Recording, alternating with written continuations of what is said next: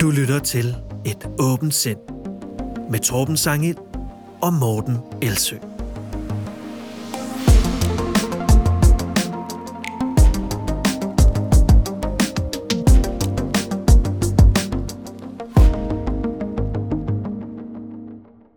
Det russiske angreb på Ukraine, det er ikke kun en fysisk krig, det er også en informationskrig. Og vi skal kigge nærmere på, hvordan Rusland systematisk bruger desinformation i deres propaganda. Vi skal også kigge på et forsøg om røde og blå fisk. Og så skal vi fortsætte vores gennemgang af konspirationsteoretikernes fornægtelsesteknikker. Alt det her, og til sidst en omgang fup eller fakta i det, den her 17. udgave af Et åbent sind.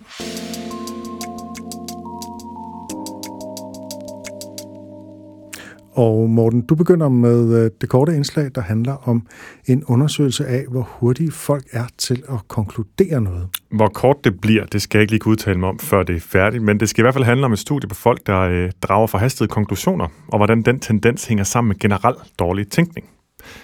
Det er to forskere, Carmen Sanchez og David Dunning, der er blandt andet forsker i fejlopfattelser, beslutningsprocesser og oversætsikkerhed, der udgav et studie i efteråret 2021. Ja. Når du siger Dunning, er det så Dunning fra Dunning-Kruger? Det er det, men det vender jeg tilbage til Okay. senere. Jeg har ikke øh, adgang til selve studiet, så min gennemgang her den er baseret på en artikel, de har skrevet om studiet til Scientific American. I studiet der undersøgte de øh, mønstre i beslutningstagning blandt mere end 600 mennesker fra den almindelige befolkning.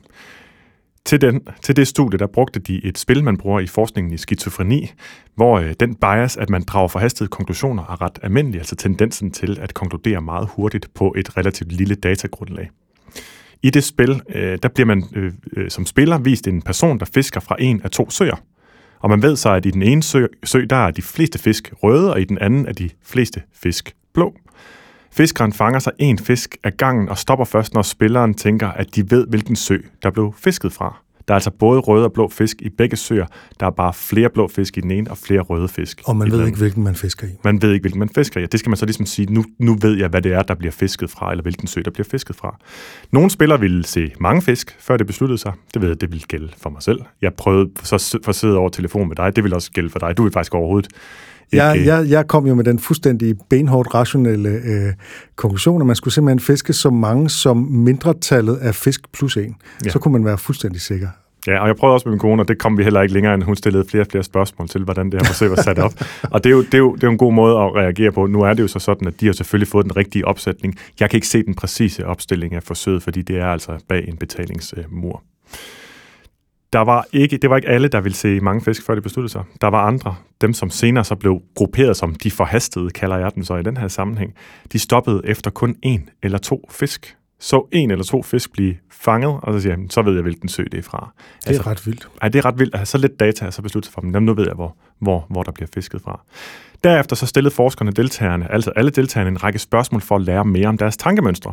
Og de fandt, at jo færre fisk en person skulle se, før de følte sig sikre på, hvilken sø der blev fisket fra, jo flere tankefælder faldt de i, når de skulle resonere, træffe beslutninger og vælge, hvad de skulle tro på generelt. For eksempel fandt de, at øh, jo hurtigere deltagerne konkluderede noget, altså de forhastede her, jo mere sandsynligt var det, at de troede på konspirationsteorier. For eksempel, at månelandingerne aldrig fandt sted, og at billeder og videomateriale derfra derfor var forfalsket. Hmm. De samme personer havde også mere tendens til at tro på paranormale fænomener. Det er sådan noget som aliens på jorden, som nogen er bevidst om er her, men det holdes skjult, for eksempel. Bigfoot og spøgelser, telepati og tankelæsning. Og også på øh, medicinske myter, som for eksempel, at sundhedsmyndigheder aktivt skjuler, at mobiltelefon, øh, mobiltelefonbrug eller mobiltelefoni øh, skulle give kraft, øh, som, som øh, vi også har været inde på før, altså den, den her bagvedliggende motiv, ikke?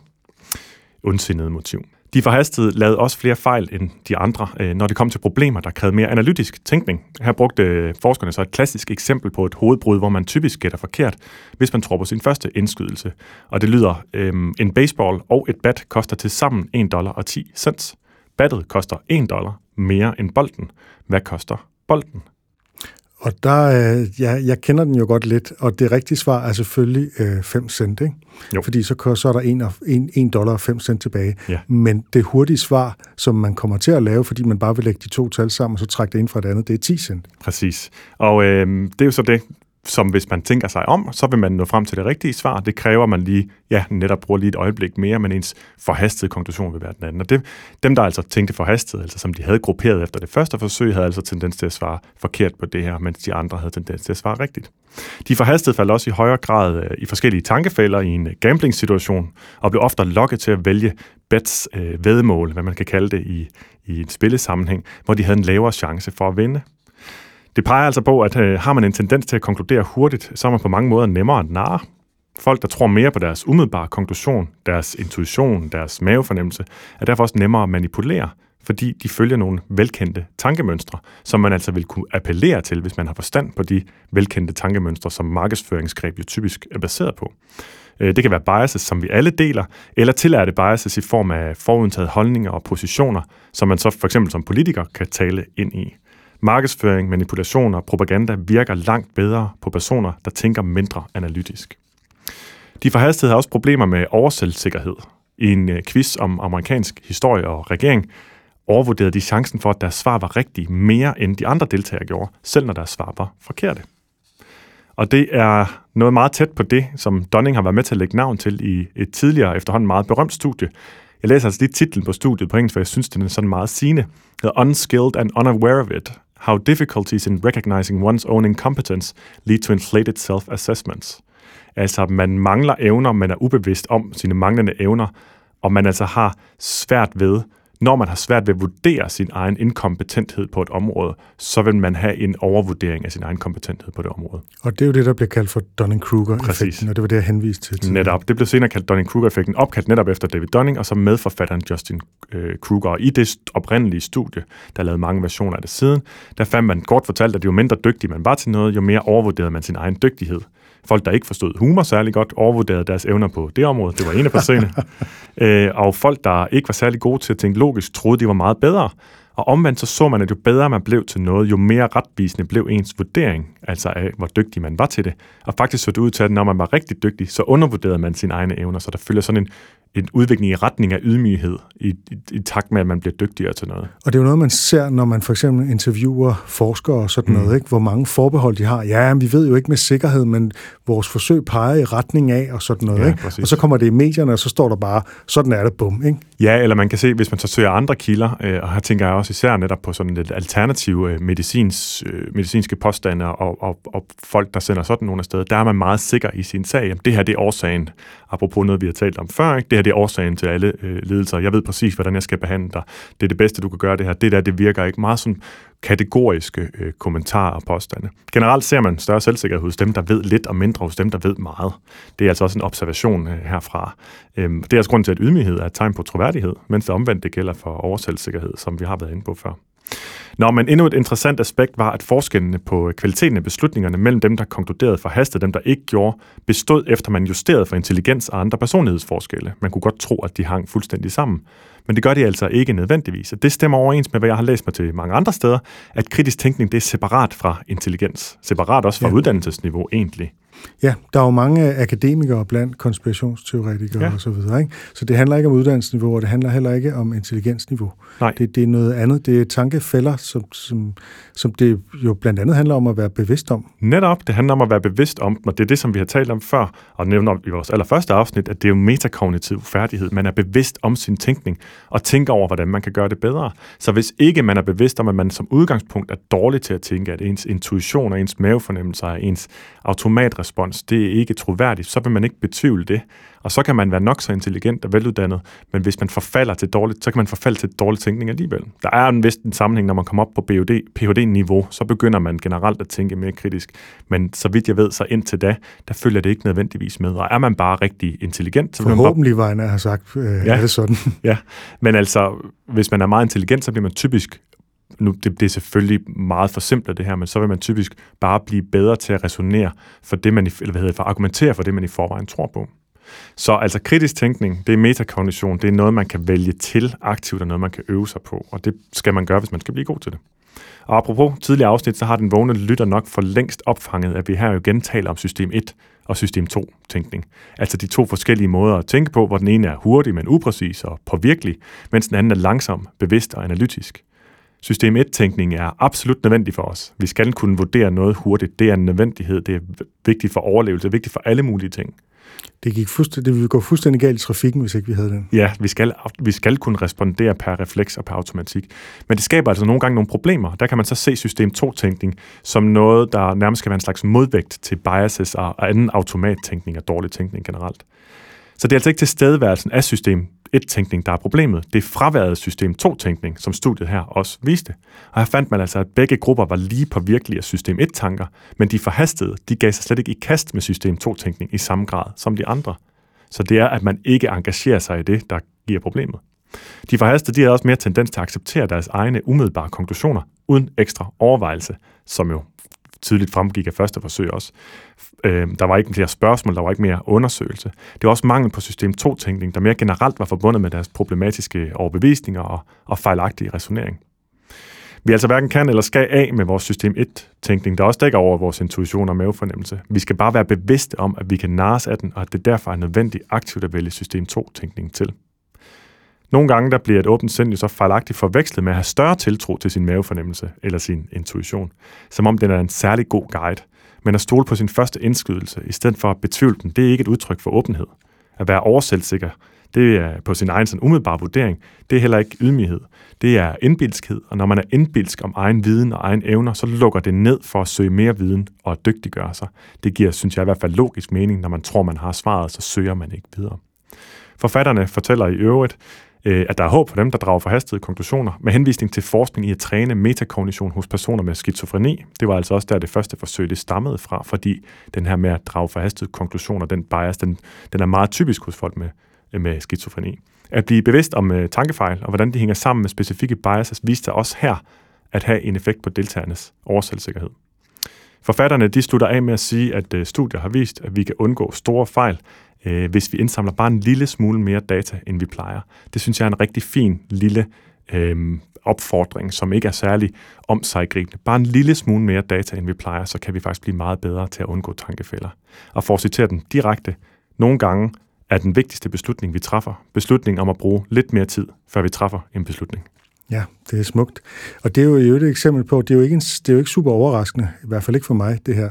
Men det er interessant alligevel, fordi det bliver ligesom kvalificeret, det bliver, altså man undersøger noget, man kommer frem til det, som man nok havde en idé om kunne være rigtigt, mm. øh, og så med en eller anden grad af evidens, som jeg ikke lige har, som vi ikke lige har talt på, men der kan man så sige, jamen der er en sammenhæng her, ikke? Jo, og det er sammenhæng mellem, kan vi, kan vi allerede se, hvis folk har tendens til at drage forhastede konklusioner, følger det andet så med, og det viste sig så, at det gjorde. Ja. Så det er tilbage til at sige, at vi skal aktivt slå system 2-tænkning til, vi skal betvivle vores første indskydelse, vi skal bruge et øjeblik mere på at overveje, og vi skal søge lidt mere data, før vi beslutter os. Det synes jeg måske, at det her studie bidrager til virkelig at cementere og understrege.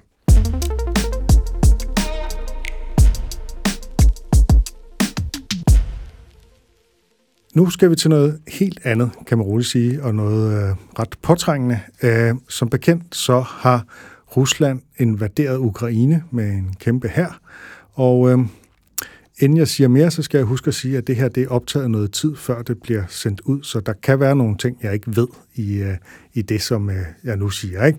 Men øh, der er i hvert fald en ting, jeg ved, og det er, at den her krig ikke kun er en militær krig, det er også en informationskrig. Og netop informationskrig, det er noget, som Rusland har været meget aktiv i, og de er virkelig gode til at sprede propaganda og fake news og desinformation. Ikke? Vi var inde på det øh, ganske kort sidste gang, og nu mm. går vi så lidt mere ned i substansen. Øhm, og vi har også før været inde på den her forskel mellem misinformation og desinformation. Ikke? Øh, men jeg gentager den lige kort. Altså desinformation, det er en delmængde af misinformation, hvor det er tydeligt, at afsenderen bevidst forsøger at vildlede, mens andre former for misinformation godt kan være i god tro. Ikke? Og, og nogle gange så er det begge dele. Der kan være den første afsender, fra hvem det har været desinformation, fordi det fortæller om motivet, og dem, der deler det videre derfra, der er det misinformation, kan og man egentlig sige. det er ganske relevant lige i den her sammenhæng, ja. fordi der er jo mange af det, som man i, i 80'erne kaldte for nyttige idioter. Mm. Øh, det, det var kunne ikke, vi jo ikke drømme om at kalde udtryk. Nej, nej, nej. Men altså nogen, som, øh, som deler den her propaganda videre op. Altså propaganda er per definition desinformation, i hvert fald fra første afsender. Ikke? Mm. Og øhm, det har Rusland for længst set et potentiale i, og det er jo altså for længst øh, påvist, hvordan de her øh, russiske såkaldte trolls var ansat på sådan nogle øh, troldefabrikker tilbage i 2016, blev det ligesom øh, afsløret. Øh, der er blandt andet en bestemt bygning i St. Petersborg, man fandt frem til og sådan noget, ikke? hvordan de var med til at skabe en masse splid i det amerikanske samfund der i 2016 op mod valget af Trump. Øh, og der er ingen tvivl om, at det har været med til, blandt andre fænomener, og skabe den polarisering, som vi har set. Ikke? Og øh, ja, det hænger også sammen med, de har ligesom udnyttet det, som, som er blevet kaldt for det postfaktuelle samfund. Altså det, at fakta ligesom ikke er så vigtige, som at du bare har en fortælling, som du kan overbevise folk om. Ikke? Jo, og så vidt jeg også lige kunne læse mig ganske kort til, så er det også tit nok bare at skabe tvivl, eller sige, der kunne være noget andet. Altså sådan, at folk de ikke længere er sikre på det, de tror på. Ja. Hvis man så har en stor gruppe tvivlere, så kan de bagefter påvirke i en bestemt retning. Det er en god pointe. Og Trump er også en repræsentant for det her postfaktuelle. Ikke? Øhm, øh, det vi ikke, vi øh, prøver her i et åbent sind, vi er stærkt imod øh, det postfaktuelle, uanset hvor det kommer fra, fordi hvis først man dropper fakta til fordel for ideologiske fortællinger, hvor man kan påstå hvad som helst, så øh, har hele oplysningsprojektet i al sin selvkritiske kompleksitet fejlet. Ja, for nu at tale lidt akademisk. Og så er vi også væk fra at tale om virkeligheden. Øhm, og, og det er super, super ærgerligt, fordi det er dem, vi skal beholde os til, hvis vi skal på en eller anden måde tage hånd om, om de problemer, vi har fælles i samfundet. Det skal selvfølgelig siges, at Rusland ikke har patent på hverken propaganda eller desinformation. Og når der udbryder krig, så, som man siger, er sandheden det første offer. Ikke?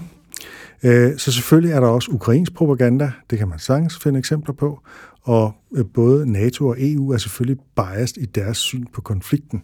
Øh, og Ukraine er ikke nogen sådan idyllisk mønsterstat, som det indimellem bliver gjort til i øjeblikket. Der har været problemer med korruption, og der er en øh, en, en mangeårig konflikt i, i den provins, der hedder Donbass, med nogle separatistbevægelser og meget andet. Så det her, det handler egentlig ikke om at idealisere Ukraine overhovedet. Men Rusland er den aggressive part her, og den officielle russiske fortælling, den er så tyk af desinformation, og at den er så massiv, at det er oplagt at kigge på den.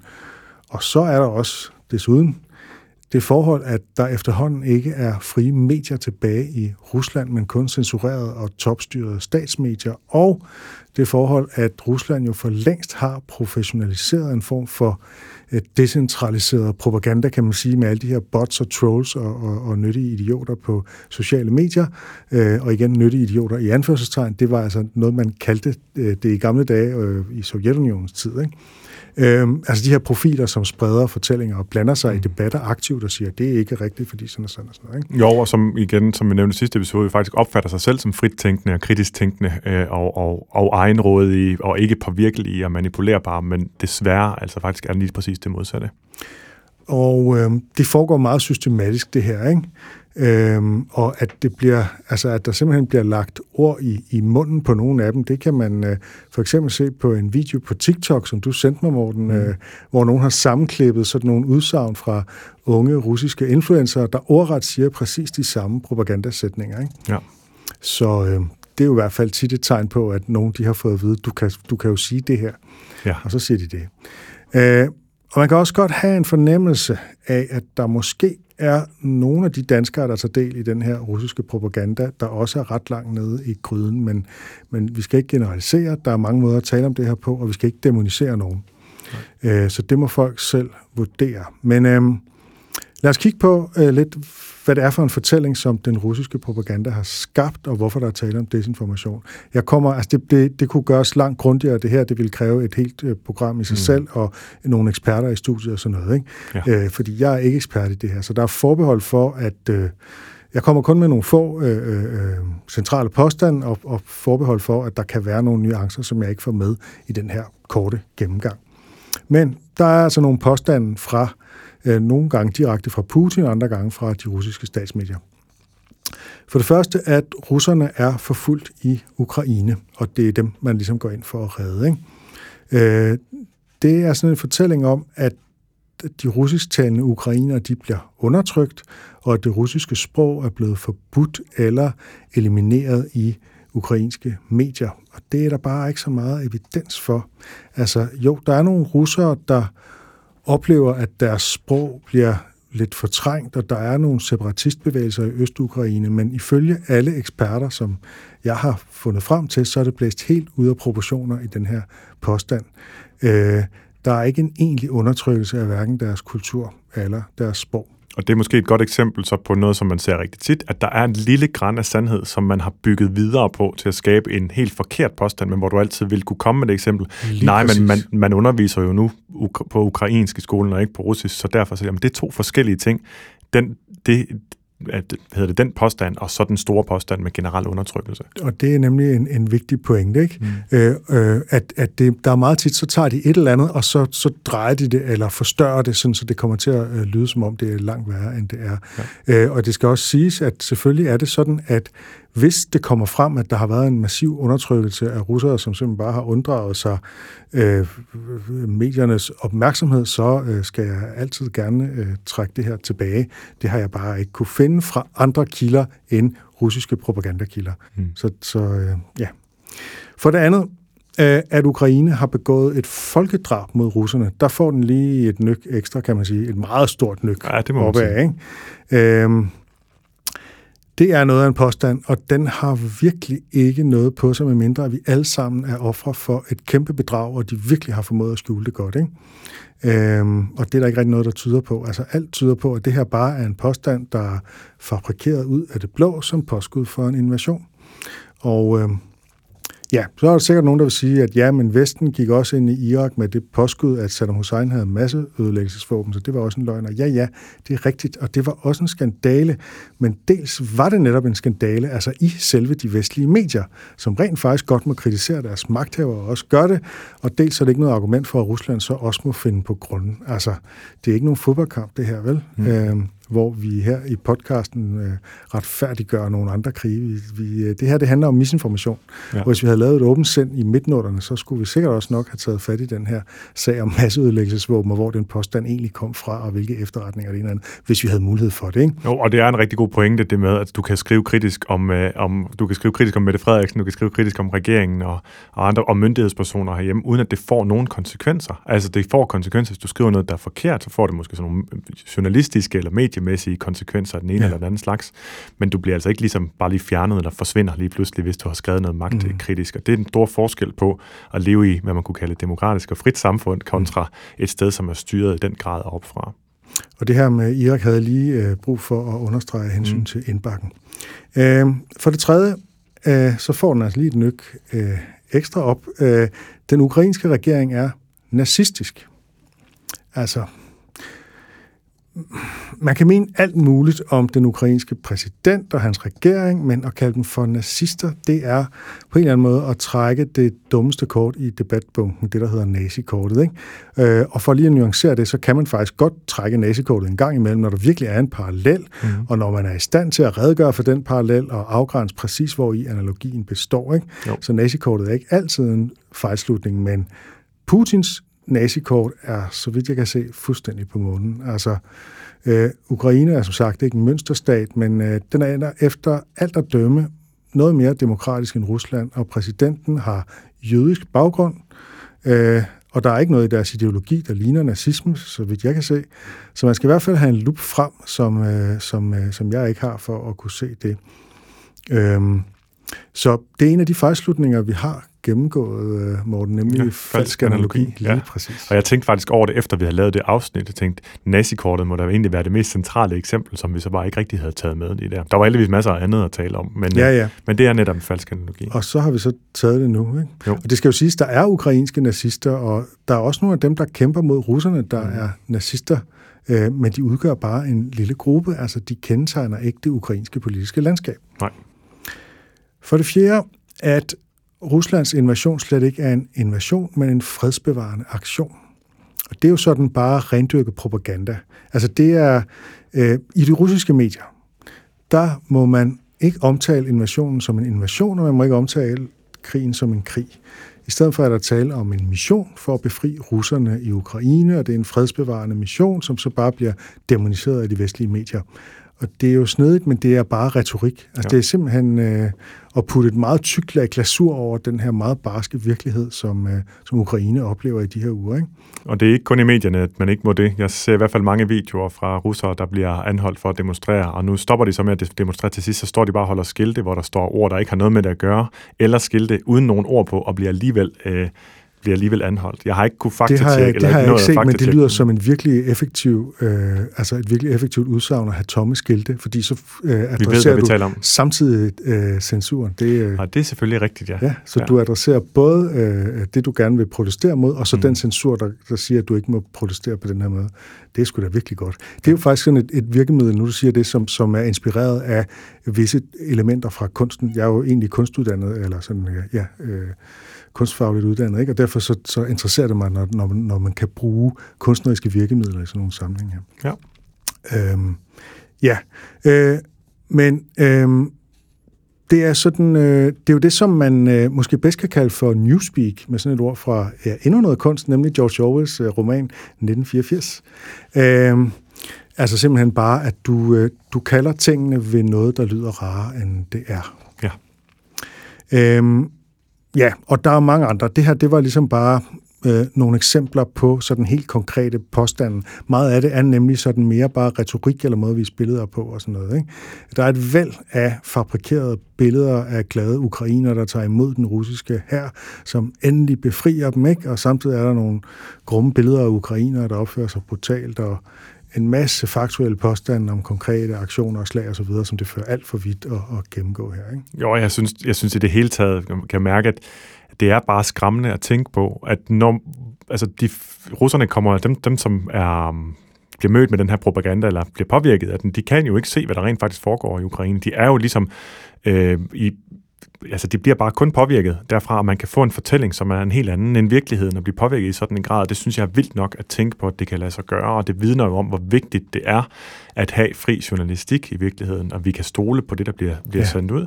Fordi vi kommer, langt de fleste af os kommer ikke til at komme ned og se, hvad der i virkeligheden foregår. Så vi må stole på det, der kommer ud et sted fra, og hvis man så har fået tillid til, eller ikke har fået mistillid til de, til de uh, russiske statsejede medier, men så vil man jo købe den fortælling formentlig. Ja, og øh, så har de endda lavet, øh, det er et tegn på, hvor snede de er, ikke? et faktacheck-site, som er sådan en slags omvendt faktacheck, øh, kan man sige. Ikke? Jo. Fordi det er en del af propagandamaskinen, det hedder waronfakes.com. Og det er altså ikke en anbefaling, fordi øh, øh, den øh, kalder simpelthen bare alle påstande fra vestlige medier for fake. Den tager den ene påstand efter den anden, og så stemmer den fake, fake, fake, fake, fake. Øhm, og det er en taktik, de har benyttet sig af før i øvrigt. Jeg kan ikke huske ja. nogle sites navne, men jeg ved, at de har gjort det før, så der kommer alternative faktatjekker sites op. Fordi så tænker man, jamen hvis det er et faktatjekker site, så kan vi, sådan et kan vi også bare lave. Og vi vil jo gerne, det har vi ikke gjort nu, men altså lave et indslag om, hvordan man kan kvalitetstjekke et faktasite, fordi det er jo virkelig vigtigt i den her øh, verden. Ikke? Jeg har faktisk nævnt det før med nogle ganske få greb, man, eller ting, man kan lede efter. Nemlig okay. også den her med at være meget skråsikker og være sort-hvid, og at der kommer holdninger med ind, og der er et forsøg på at bestemme, hvad man skal tro på, som ligger tydeligt i retorikken. Så er der nogle ting, man kan lede ja. efter. Øh, manglen på ydmyghed, manglen på forbehold osv. Alle de ting, som vi egentlig har været inde på før, det kan man typisk se. Øh, der er stor forskel på et reelt faktatjekker-site, som er neutralt, og så et, som er drevet af, af, af en bestemt agenda. Jeg synes stadig, det kunne være fedt at lave et tema om det på et ja, tidspunkt. Men øh, det kan vi snakke om. Øh, men øh, altså, det er i hvert fald et dårligt tegn, hvis sådan et faktatjekker sig et entydigt tager parti i en politisk konflikt. Ikke? Fordi det så, sige. Ja, og også hvis den bare dømmer alt for fake, uden at der i øvrigt er nogen gradinddeling overhovedet. Altså, gode faktatjekker har, har faktatjekker site har tit sådan noget delvis sandt og delvis falsk mm. og sådan noget, ikke? Jo. og kan forklare, hvorfor det ene og det andet. Ikke? Øhm, det her, det er, det er direkte propaganda. Så hvis man finder henvisninger til Warren Fake, så skal man ikke tro på det, der står. Men det er jo et meget smart træk, ikke? Jo, og efterligne det, som man så, øh, som vi opfordrer folk til at gøre, gå ud og få det, tingene faktatjekket. Ikke? Jo, og det i situationstegn våbenkapløb øh, vil jo fortsætte med at være der, ligesom man har set det med, at pseudovidenskaben bliver bedre til at efterligne videnskaben. Man begynder at benytte sig af de samme begreber, man begynder at øh, kalde ting, øh, bruge de samme modstands, ved bruge de samme forklaringer over for modparten, som de har brugt over for en, og kalder de andre konspirationsteoretikere, når man tror på øh, den officielle forklaring, eller siger, I tror jo også bare blindt på det mainstream-medierne siger, vi har så nogle andre. Altså man, der er hele tiden det her våbenkapløb. Man ja. kan ikke, det kan ikke sådan på den måde bare sådan vendes ved at sige, jamen det er jo sådan, det hænger sammen, og sådan, Nå, så kan vi ikke gøre noget. Fordi der er så store motiver, og der er så store incitamenter til, til at komme ud med en bestemt fortælling og noget propaganda, så vil det blive ved med at følge det, som der bliver brugt til at kæmpe imod det. Nu vil man måske kunne sige, at det er jo nemt nok at skyde de her påstande ned, og dem er der alligevel ingen danskere, der tror på og sådan noget. Ikke? Men øh, der tager man fejl, fordi det er der. Altså, det kan vi se. Øh, rundt omkring på de sociale medier kan man se danskere, der er faldet i den her russiske propagandagryde og gentager deres påstande mere eller mindre ordret. Ikke? Øh, også mennesker, jeg kender, og som har gjort det i mange år, og som altså afviser de vestlige medier og orienterer sig mod RT, altså Russia Today og andre engelsksprogede russiske medier. Så hvad skal man gøre, hvis man diskuterer med nogen, der kommer med sådan nogle påstande, man synes lyder mærkelige eller propagandistiske? Ikke? Øhm, man skal spørge, hvor de har deres information fra. Man skal tjekke andre kilder til den information, vurdere troværdigheden af de forskellige kilder. Og der må jeg altså bare sige, og det kan jeg tale længere om, at øh, vestlige mainstream-medier er simpelthen de mest troværdige, selvom der er nogen, der forsøger at miskreditere dem. Og selvom de kan være pisseirriterende med clickbait og det ene og det andet, og, og langt fra er perfekte, så er det altså bare på verdensplan de bedste medier. Øh, det er sådan noget som altså BBC og DR og aviserne osv., altså helt almindelige medier. Øhm, de har nemlig et meget højt kodex for, kort fortalt, hvordan de skildrer virkeligheden. Øhm, omvendt med RT og andre russiske medier, som jo er direkte styret af den russiske propaganda, også selvom at nyhedsværterne taler perfekt engelsk og måske kommer fra England eller USA osv. Ikke? Mm. Så øhm, brug også din øh, sunde fornuft og din kritiske sans, og lad ikke øh, virkeligheden styre din ideologi. Altså, øh, det handler ikke om, hvem du holder med. Det handler om at forstå virkeligheden i ja. al dens nuancerede mangfoldighed. Og så skal man selvfølgelig også, som jeg har været inde på, huske, at der også findes ukrainsk propaganda. Ja, og det tænker jo, mit gæt er, at de fleste, der lytter til vores podcast, formentlig er med på og, og lytter til det, der kommer i vores mainstream medier, og har, altså selvfølgelig måske også finder andre kilder osv., har den her øh, forståelse, generelt øh, virkelig øh, retvisende forståelse af, hvad det er, der sker i Ukraine, med alle mulige ekstra lag på, som de færreste af os selvfølgelig kan sætte os ind i. Mm, og af samme grund, så synes jeg også, at vi kan opfordre til lige at kigge indad og også være kritisk over for det, som man støder på, som er pro-ukrainsk. Fordi vi bliver nødt til, i stedet for at det bliver polariseret, at man bare deler alt, der ligesom passer med ens egen holdning, så skal man også forholde sig til, kritisk til det. Øhm, så min opfordring, det er at google faktatjek, inden man deler pro-ukrainske klip eller påstande og artikler, øh, og følge med hos Tjek det, blandt andet øh, det danske faktatjekker-site og Snopes, og der findes også en masse andre, som vi har nævnt mm. før, øh, PolitiFact og nogle andre, og de store øh, nyhedsorganisationer har jo, altså Reuters har også deres egen faktatjekker-afdeling osv. Tjek det, de har faktisk samlet faktatjek om krigen i Ukraine i en artikel, der løbende opdateres, så den vil jeg lige øh, smide et link til. Øhm, jeg har også lige to eksempler på noget, som jeg faktisk troede på i starten, og var klar til at videredele. Okay, ja. Og jeg tror, det sker meget, især i starten af sådan en konflikt her, eller i starten, når, når, når alle kigger derhen, og alle har en stærk holdning til det, så bliver man endnu mindre kritisk, også over, altså over for det, som bekræfter, fordi nu vil man gerne bare kæmpe for den gode sag. Det forstår jeg godt, det gør vi alle sammen, men det er godt at være bevidst om, fordi hvis begge sider begynder at dele misinformation og desinformation, så bliver det sværere at skelne mellem sandheden og ikke-sandheden. Og det er det, vi skal bestræbe os på i virkeligheden. Der var sådan en video af en russisk tank, der kørte en bil over i Ukraine, så man bare drejede hen mod den lige pludselig, og kørte helt hen over, så den blev fuldstændig smadret. Altså en bil, hvor der sad en, en hvor mand der sad mennesker i, ja. ja. Øhm, og det, jeg har så kigget senere hen på det, og det, der var, så vidt jeg kunne se, jeg har ikke undersøgt det her grund, så det er ikke det, der formålet er, at du skal, som lytter selv, gå ind og, og kigge på det, men så vidt jeg kunne se, så var der måske slet ikke, så var der måske slet ikke en russisk tank. Der var måske slet ikke øh, betjent af russere. Det kunne godt være en russisk eller en ukrainsk tank, der var, der var betjent af ukrainer, men som simpelthen bare mistede kontrollen. Og så overlevede manden i bilen helt mirakuløst, så har han siddet lige det rigtige sted. Bilen blev fuldstændig knust, men han overlevede. Hvor ved du det fra? Det er der så en video efterfølgende, hvor man kan okay. se den der meget karakteristisk ja, ja. smadrede bil, hvor de så får, får ja, brudt en mand fri. Så du går ud og fundet, fundet andre kilder, der går mere ned i, hvad er det her for noget? Ja, og det gjorde jeg egentlig bare samme dag på Twitter. Det var slet ikke et forsøg på at sige, at jeg skal sætte mig grundigt ind i det her til en podcast. Det var bare den oplevelse, jeg havde. Så det er sådan men, noget, man kan undersøge. Men hvis jeg lige må sige, det er bare en vigtig refleks, når man ser noget, hvor der ikke er navne eller noget som helst, ja. men bare nogen, der siger et eller andet, eller et eller andet, der ser mærkeligt ud. Find ud af, hvor kommer det fra, hvad mm. er det, hvem er det, hvad skete der? Hvad var konteksten? Men det er svært, når man er sikker i sin sag, og det bliver man typisk, når man føler noget. For eksempel så så jeg et klip, hvor Putins hånd, hvor man, man filmer Putin, der sidder ved siden af nogle andre mennesker, og så kan man se, at hans hånd bevæger sig, som han gestikulerer, og så rammer den, som om den nærmest går igennem en mikrofon, der er ved siden af. Og så siger folk, hey, det her det er et bevis på, at han i virkeligheden sidder et andet sted, og han er bare blevet klippet ind sammen med nogle andre, så han sidder i virkeligheden i en, i, gennem væk i en bunker. Men det er også misvisende. Det har jeg så set også på, øh, på Snopes i øvrigt, hvor man har fundet bedre kvalitetsvideo, hvor man kan se, at hånden den passerer altså ikke igen, men er bare bagved. Men når videoen bliver tilpas dårlig kvalitet, så, så skaber det illusionen, at hans hånd den går igen. Det er der også rigtig mange, der har delt, som, øh, fordi det så fortæller den her historie om Putin som en, der konstant laver fake news og svindler osv. Og, og der skal vi bare være gode til at øh, blive ved med at ja, forholde os kritisk til alle videoer og påstande, også selvom man virkelig holder med øh, Ukraine. Det, det, synes jeg, det synes jeg, vi skal bestræbe os på i hvert fald. Og det vil vi også gøre i de kommende uger.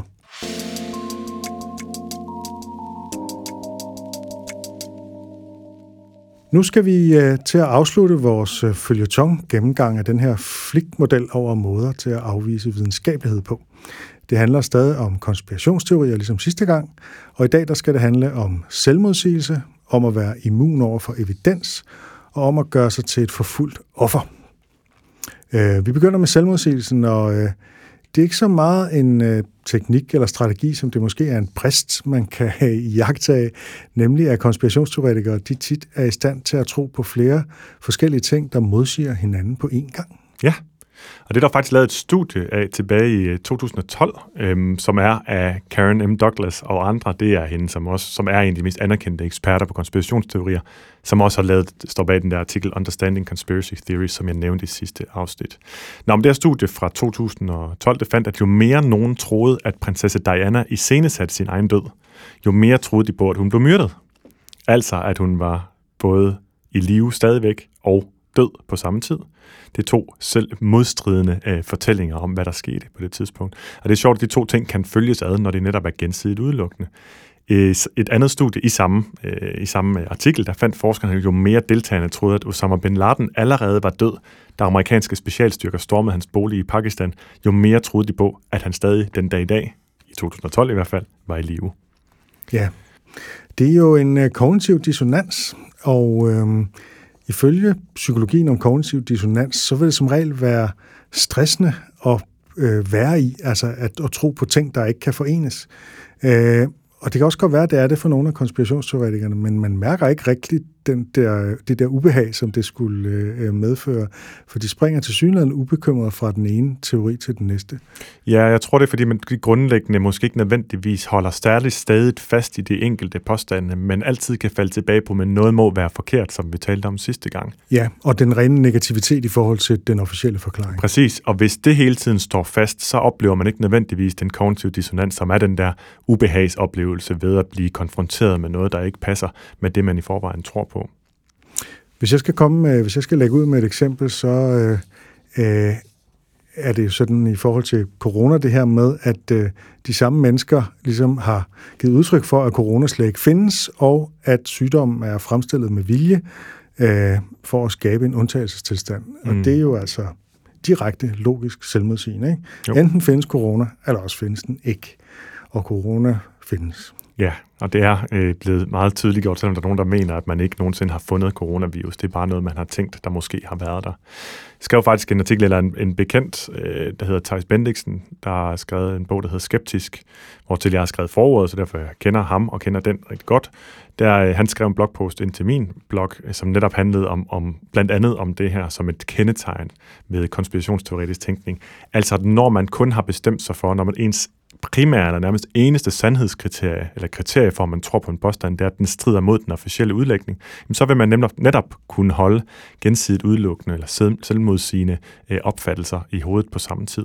For det er sådan set ligegyldigt, hvorvidt de specifikt er rigtige eller ej. Det er bare mere vigtigt, at det er noget andet end den officielle udlægning.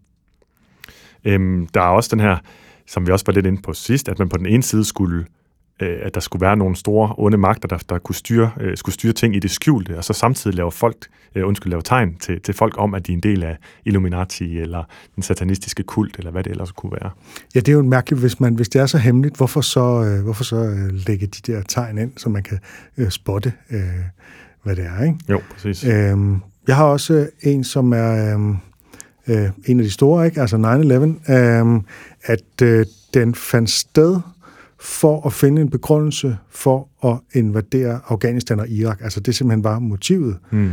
Og at 9-11-angrebet fandt sted for at pleje den jødiske byggematador Larry Silversteins interesser, fordi han kunne få nogle forsikringspenge. Det var ham, der ejede bygning 7. Altså storpolitik og et kynisk angreb på sin egen befolkning på den ene side, og så forsikringssvindel i, i samme teori. Øh, det er måske ikke logisk selvmodsigende, men det er to meget forskellige motiver i hvert fald. Øh, I det hele taget så er det jo som om, at konspirationsteoretikerne de glemmer, hvad World Trade Center var, nemlig et sted for handel og forretningsmænd. Så hvis det er deres interesser, man plejer, hvorfor så angribe netop World Trade Center? Men det har de heller ikke noget svar på. Nej, det bliver nemlig usammenhængende. Det er måske det, der også er en af karakteristikerne, som vi ikke har været så meget inde på ved konspirationsteorier, som vi beskriver dem her. Det er, at de er usammenhængende. Der er ikke en, en klar sammenhængende fortælling. Men pointen her, det er jo altså den simple, at man, man tror på to motiver på én gang, som jo godt i princippet kan forenes. Altså, de er jo ikke logisk selvmodsigende, som sagt, men øh, usandsynligheden af den kombination, den er endnu større end de to teorier er hver for sig, og de er i forvejen ret usandsynlige. Ja, og for lige at vende tilbage til den der usammenhængende ting, fordi så tænker jeg, hvis vi skal brede det ud på, hvad kan man ligesom bruge det her til, både til at genkende, men også hvis man er sådan en, der engagerer sig i debattråd eller kommentarspor under forskellige artikler. Så i det hele taget, der viser det sig tit, at de her konspirationsteoretikers forestillinger om, hvad der i virkeligheden er sket, er netop enormt usammenhængende, selvom at drivkraften til at tro på konspirationsteorier er at føle, at man har en sammenhængende fortælling. Og det betyder, at man kan udstille noget, som de ikke nødvendigvis selv er bevidste om, hvis man stiller de rigtige spørgsmål. Øhm, de er sådan set ikke glade for, af min erfaring, at præsentere en sammenhængende teori de stiller bare spørgsmål, som vi har været inde på. Før. Just asking questions. Just asking questions, ja. Det er jo gratis at sige. Jeg tror i hvert fald ikke på den officielle forklaring.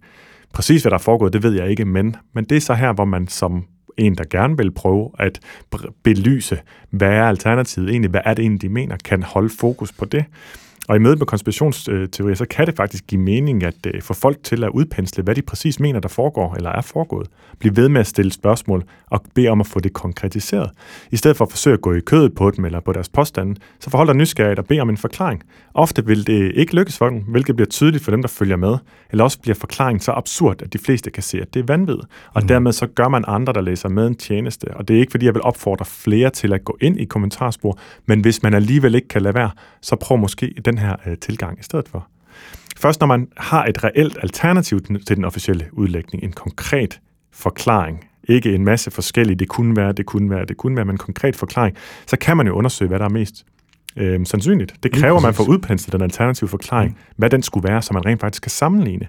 Så man kan gå ind i det med et helt åbent sind, som om, at konspirationsteoretikere sagtens kan have ret, mm. men så bed om at få den udlægning, det er, så vi kan mm. sammenligne, er den så mere eller mindre sandsynlig, end den, som vi har fået præsenteret som den officielle udlægning. Men netop fordi, at man kan det, er det smart at lade være, fordi så øh, kan man ikke vurdere, hvor usandsynlige de forklaringer, som egentlig ligger bag, de, øh, de tit er.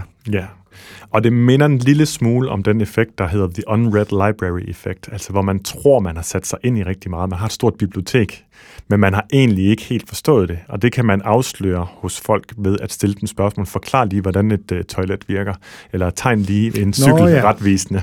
Ja, ja det, har jeg, det har jeg faktisk skrevet om en gang, det der. Ja, øh, okay. Men jeg var ikke klar over, at det hed The Unread Library. Også har ja, det ulæste bibliotek. Men det er det her med, at vi, vi tror, vi er klogere, end vi er, men vi ved faktisk ikke, hvordan en cykel eller et toilet fungerer. Det er de færreste mennesker, det er virkelig kun fagfolk øh, og cykelsmed, der, der, der er i stand til at... Og, ja, bare tegne en cykel retvisende, så at den rent ja. faktisk ville kunne fungere i virkeligheden, er svært for de fleste, mm. uden i hvert fald at tænke sig rigtig, rigtig grundigt op. Ja. Og det er selvfølgelig ikke så vigtigt her, men, hvis, men det kan så være, hvordan, har, hvordan virker den vaccine, som du øh, kritiserer så meget og føler dig så sikker på, er øh, ikke fungerer, som den skal, eller, som er, eller er farlig. Så man kan altså, den sidste ting lige er, for man kan bemærke, når der appelleres til konspirationsteoretisk tænkning, for eksempel gennem, jeg stiller bare spørgsmål, tilgangen. Det er et eksempel på omvendt bevisbyrde, som altså den her idé om, at det er dig, der skal bevise min påstand. Du skal selv undersøge det. Det ved jeg ikke, hvor mange gange du har fået smidt i hovedet, Torben. Undersøg oh, det selv. Ja, og så bliver der linket til en fire timer lang video på YouTube. Ikke? Ja, enten det, eller også at sige, at du kan bare selv undersøge det. Mm. Øh, som siger, gå nu ud og google det, jeg skal da ikke gøre og arbejdet de, for. Og de, de har altid en idé om, at det har man ikke gjort. Mm-hmm, præcis. Så hvad skal man sige til at undersøge det selv? Jamen, jeg synes ikke, man skal modbevise, at der er en konspiration. Man skal kræve bevis for, at der er en. Og når der er en, der siger, at det skal du selv gå ud og google, så vil jeg sige, jamen, jeg ved ikke med dig, men når jeg går altså meget op i at forholde mig kritisk til den information, jeg møder, så jeg vil altså lige se noget bevis for din påstand, før jeg tror på den. Ikke spekulation, men dokumentation.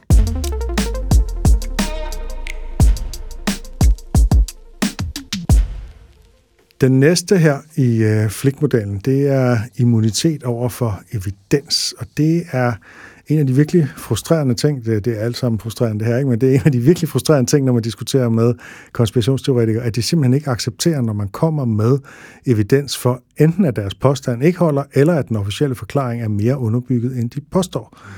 Øh, og det kan man jo gøre sig immun for over, øh, overfor på forskellige måder. Ikke? For eksempel så kan man bare ignorere det, og så komme med en ny påstand. Mm-hmm. Øh, eller også så kan man øh, anklage det, som man kommer med af evidens for at være en del af konspirationen, uanset hvem der har lavet den, og hvad den består i og sådan noget. Ja, og det læner sig jo meget op af det første punkt, vi tog fra, fra det her sidste C i flikmodellen i sidste afsnit, øh, at noget må være forkert, at man har den her øh, generelle øh, idé om det, som gør, at alt, man bliver præsenteret for, som ikke bekræfter, det er i virkeligheden øh, bekræftende.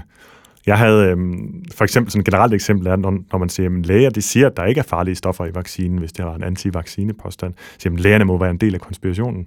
Så siger, okay, du kan se ingredienserne på den her liste. Så siger, jeg stoler ikke på den liste. Så man bare altid afviser det, som strider, øh, øh, strider mod det, man, man egentlig har påstået. Jeg har sådan et eksempel, som er helt øh, konkret og meget specifikt, men altså når man diskuterer øh, mordet på John F. Kennedy, øh, som jo altså rummer ikke bare de mest vedholdende, men også nogle af de mest trods alt savlige øh, konspirationsteorier, selvom de ikke helt holder. Når man diskuterer det her, så er et af de vigtigste argumenter fra konspirationsteoretikerne, at øh, gudene ikke kan være kommet fra der, hvor Lee Harvey Oswald befandt sig, altså op fra et vindue, øh, hvor han skød. Øh, og så bliver det noget nørdet ballistik med vinkler og projektiler, og øh, hvordan de sad i bilen og så videre. Ikke? Øh, ifølge konspirationsteoretikerne, så skal det være et magisk projektil, der skifter bane undervejs for at forklare de præcise skudhuller, især hos ham, der sad foran i bilen, nemlig John Connolly. Men det er faktisk blevet helt teknisk og savligt og ingeniørvidenskabeligt bevist, at mm. det sagtens kunne lade sig gøre. For der er nogle forkerte antagelser hos konspirationsteoretikerne og de her magic bullet people, hvor, øh, øh, som handler om, hvor ham der Connolly, han præcis var placeret, og hvor høj han var, og især hvordan han sad på sædet, fordi han sad nemlig drejet om på siden, fordi han talte med præsidenten. Øh, og det betyder, at øh, det kommer til at passe med de der skudhuller. Og det kan man se demonstreret på videoer på nettet og alt muligt andet. Og jeg er selvfølgelig ikke ingeniør. Jeg kan ikke vurdere de tekniske detaljer af det her. Men øh, ifølge eksperterne, så er det her en plausibel forklaring, og jeg vurderer det som værende øh, ret overbevisende. Ja, og man skal også lige sige, at selvom det var usandsynligt, at han ramte øh, så godt og på den afstand, eller hvad det var, så betyder det ikke, at det er umuligt, og der sker ting, som vi ikke synes var nemme, eller så, så sandsynligt, som vi ville have forestillet os det. Er heller ikke et argument for det, man må kigge på, øh, hvad, hvor sandsynligt, hvad hedder det, hvor, øh, hvad er der evidens for det, hvad er der dokumentation, og hvad er der dokumentation for det modsatte eller de andre, igen, så man kan stille de ting op over for hinanden. Øhm, jeg havde også en samtale med en, apropos, man kan også kalde den her immunitet over for evidens, det er jo også det, man i, i dag i dagligt tale i højere grad vil kalde faktaresistens, vil jeg mene.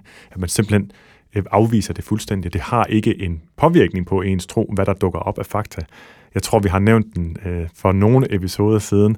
Øh, min samtale med hende, der var overbevist om, at vaccinen havde gjort hendes mosters arm magnetisk. Uanset hvad jeg sagde, så holdt hun fast i sin overbevisning, og jeg var ikke efter hende eller noget som helst. Så du kan lige prøve at putte talkum på armen, og så se, om det virker igen. Hun blev ved med at sige, at hun var åben over for alternative forklaringer, end den hun troede på, men man nægtede altså at lave det der forsøg, og, ja. og forfaldt desværre til sidst til at blokere mig, så samtalen den ikke kunne fortsætte. Mm. Og jeg glemte i øvrigt pointen med det, jeg fortalte om før med det her skud øh, noget, ikke? Altså, mm. at når man præ- så præsenterer det her for konspirationsteoretikere, så bliver det affærdet som noget vrøvl og en del af konspirationen, og som om, at de der ingeniører, der har lavet det, de nok er i lommen på CIA og alt sådan noget, ikke? Altså ikke nogen tekniske modargumenter, men bare en benægtelse. Det er ja. nok ikke rigtigt. Og det bliver sådan et flytte målstregen-agtigt, eller flytte målstolperne, som vi har talt om tidligere. Altså det bliver den samme taktik. Jamen, mm. så er det noget andet. Nå, men så må det være sådan. Jamen, så dur det evidens ikke. Men så skal vi kigge her. Og jo mere man går ind i det, det bliver sådan ad, ad infinitum en afvisning. Og der kan man så se, når, når, det, når vi er ved at være der, så er der nok ikke så meget at, at gøre. Hvis man kommer med en teknisk forklaring på noget, så er man nødt til at komme med et teknisk modargument, hvis man ikke tror på det. Ja.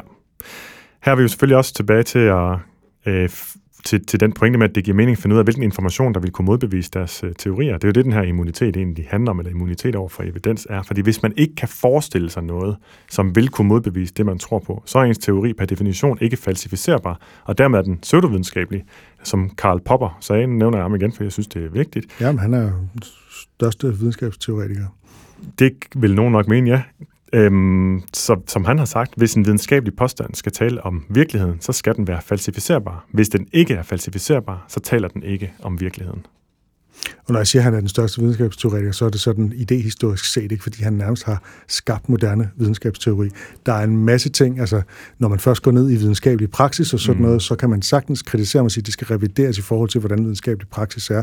Man går ikke rundt og falsificerer hele tiden og alt sådan noget. Mm. Men, men øh, hans, øh, hans måde at kigge logisk på, hvordan øh, noget øh, det, det, øh, det forholder sig, den, den, er, den er, øh, har virkelig været øjenåbnende for øh, moderne videnskab. Ja, der er en sjov øh, øh, fortælling i øh, The Demon Haunted World af Carl Sagan, som jeg har nævnt nogle gange, hvor han taler om sin dragen i garagen, hvor man kommer med en påstand. Jeg siger Nå, den til dig ja, nu, ja. øh, Torben. Jeg har jo en drage øh, hjemme i min garage. Mm.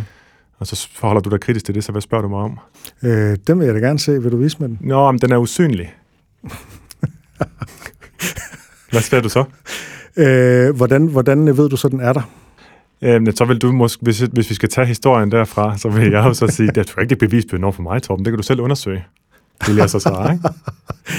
ja, det bliver ja. jo del med svært, ikke? Ja, men, men så altså, vil du prøve måske... Så går jeg ud i garagen, og så siger jeg, jeg støder ikke ind i nogen drage, jeg støder ikke ind i nogen usynlige drage. Okay, men den er usynlig, men man kan heller ikke mærke den. Nej. Øh, meget tyder på, at den er oppe i din hjerne, vil jeg også sige. Ja, det kunne så være, at den var der, ikke i garagen. Og så vil man kunne blive ved med at lave ja. en påstand, og hvis, hvis den så ændrer sig, så bliver det faktisk lidt det samme som umulige forventninger, vi var inde på. Mm. At hvis man laver en påstand, som er ufalsificerbar, så man hele tiden kan rykke målstregen i retning af, ja, ja. at til sidst kan den ikke modbevise, så er det ikke en påstand, som giver mening at forholde sig til.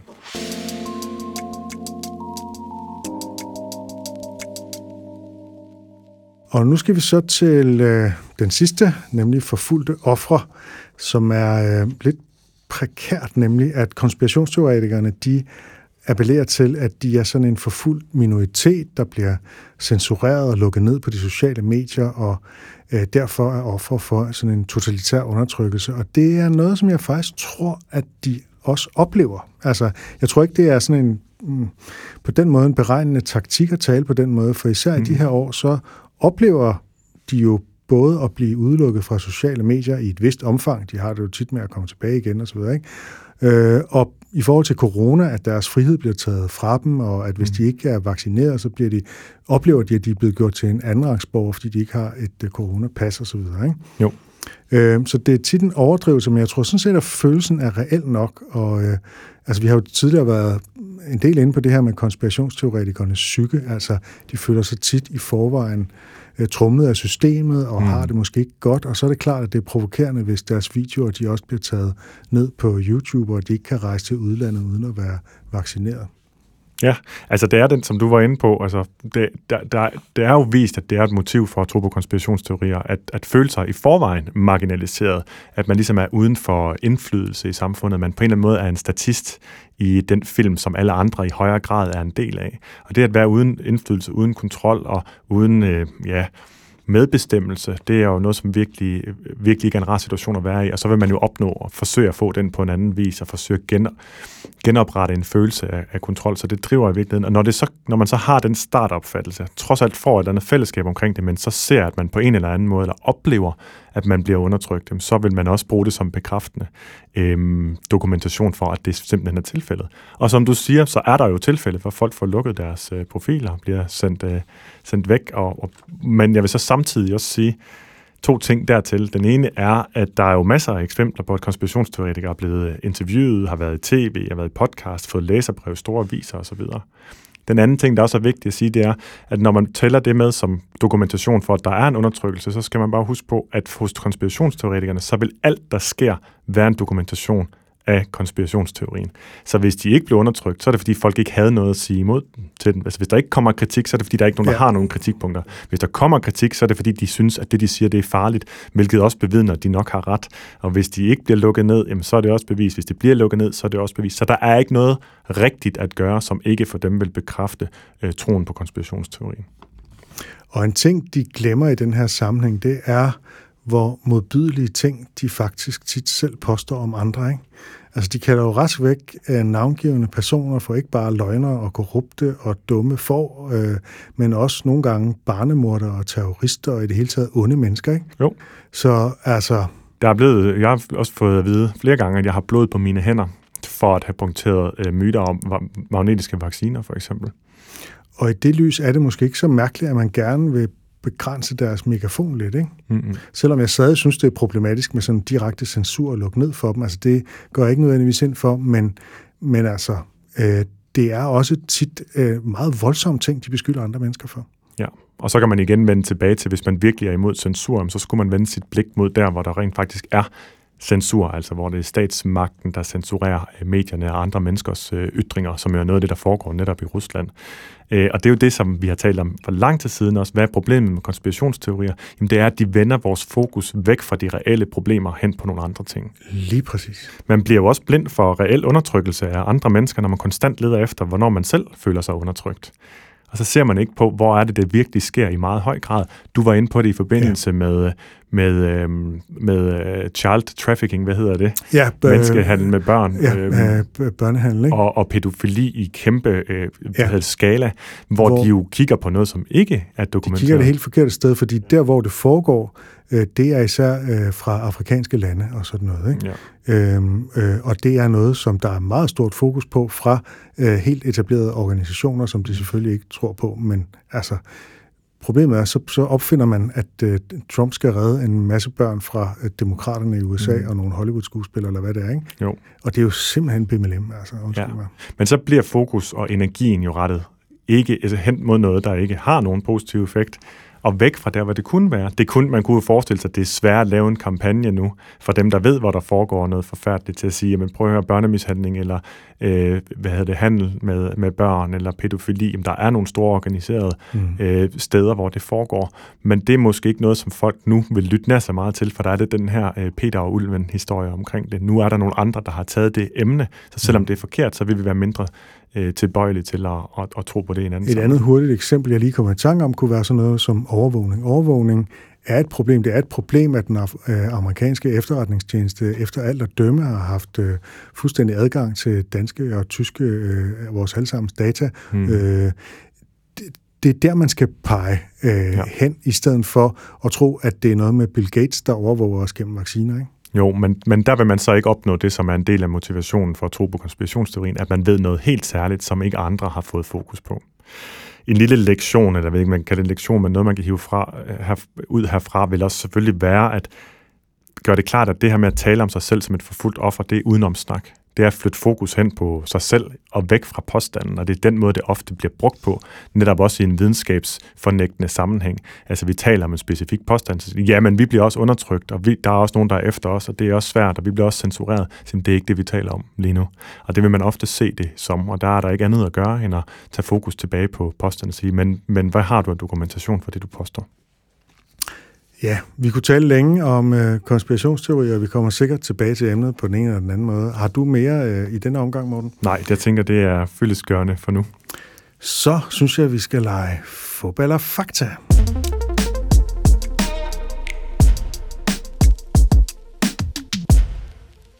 Og øh, så kommer jeg med en påstand i dag.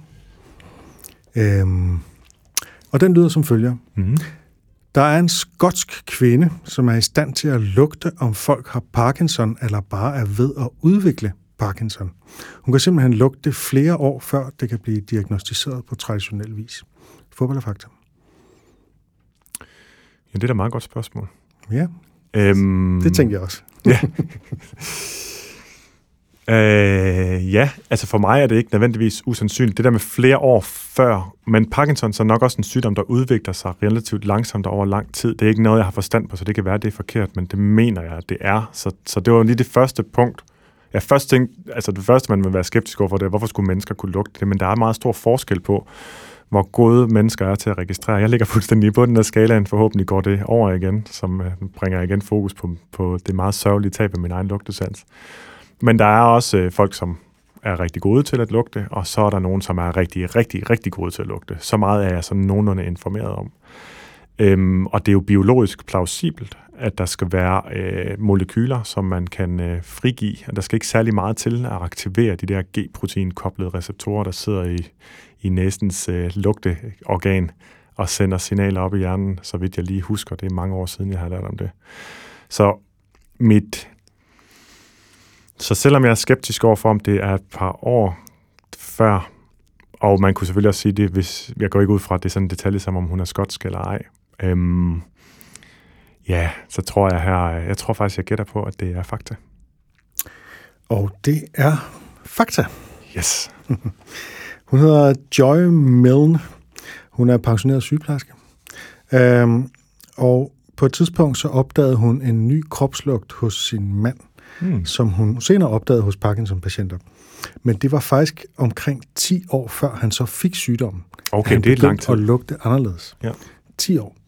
Øhm, og øh, så var hun i sådan en øh, gruppe for, for Parkinson-patienter og pårørende og sådan noget, og der opdagede hun den samme lugt.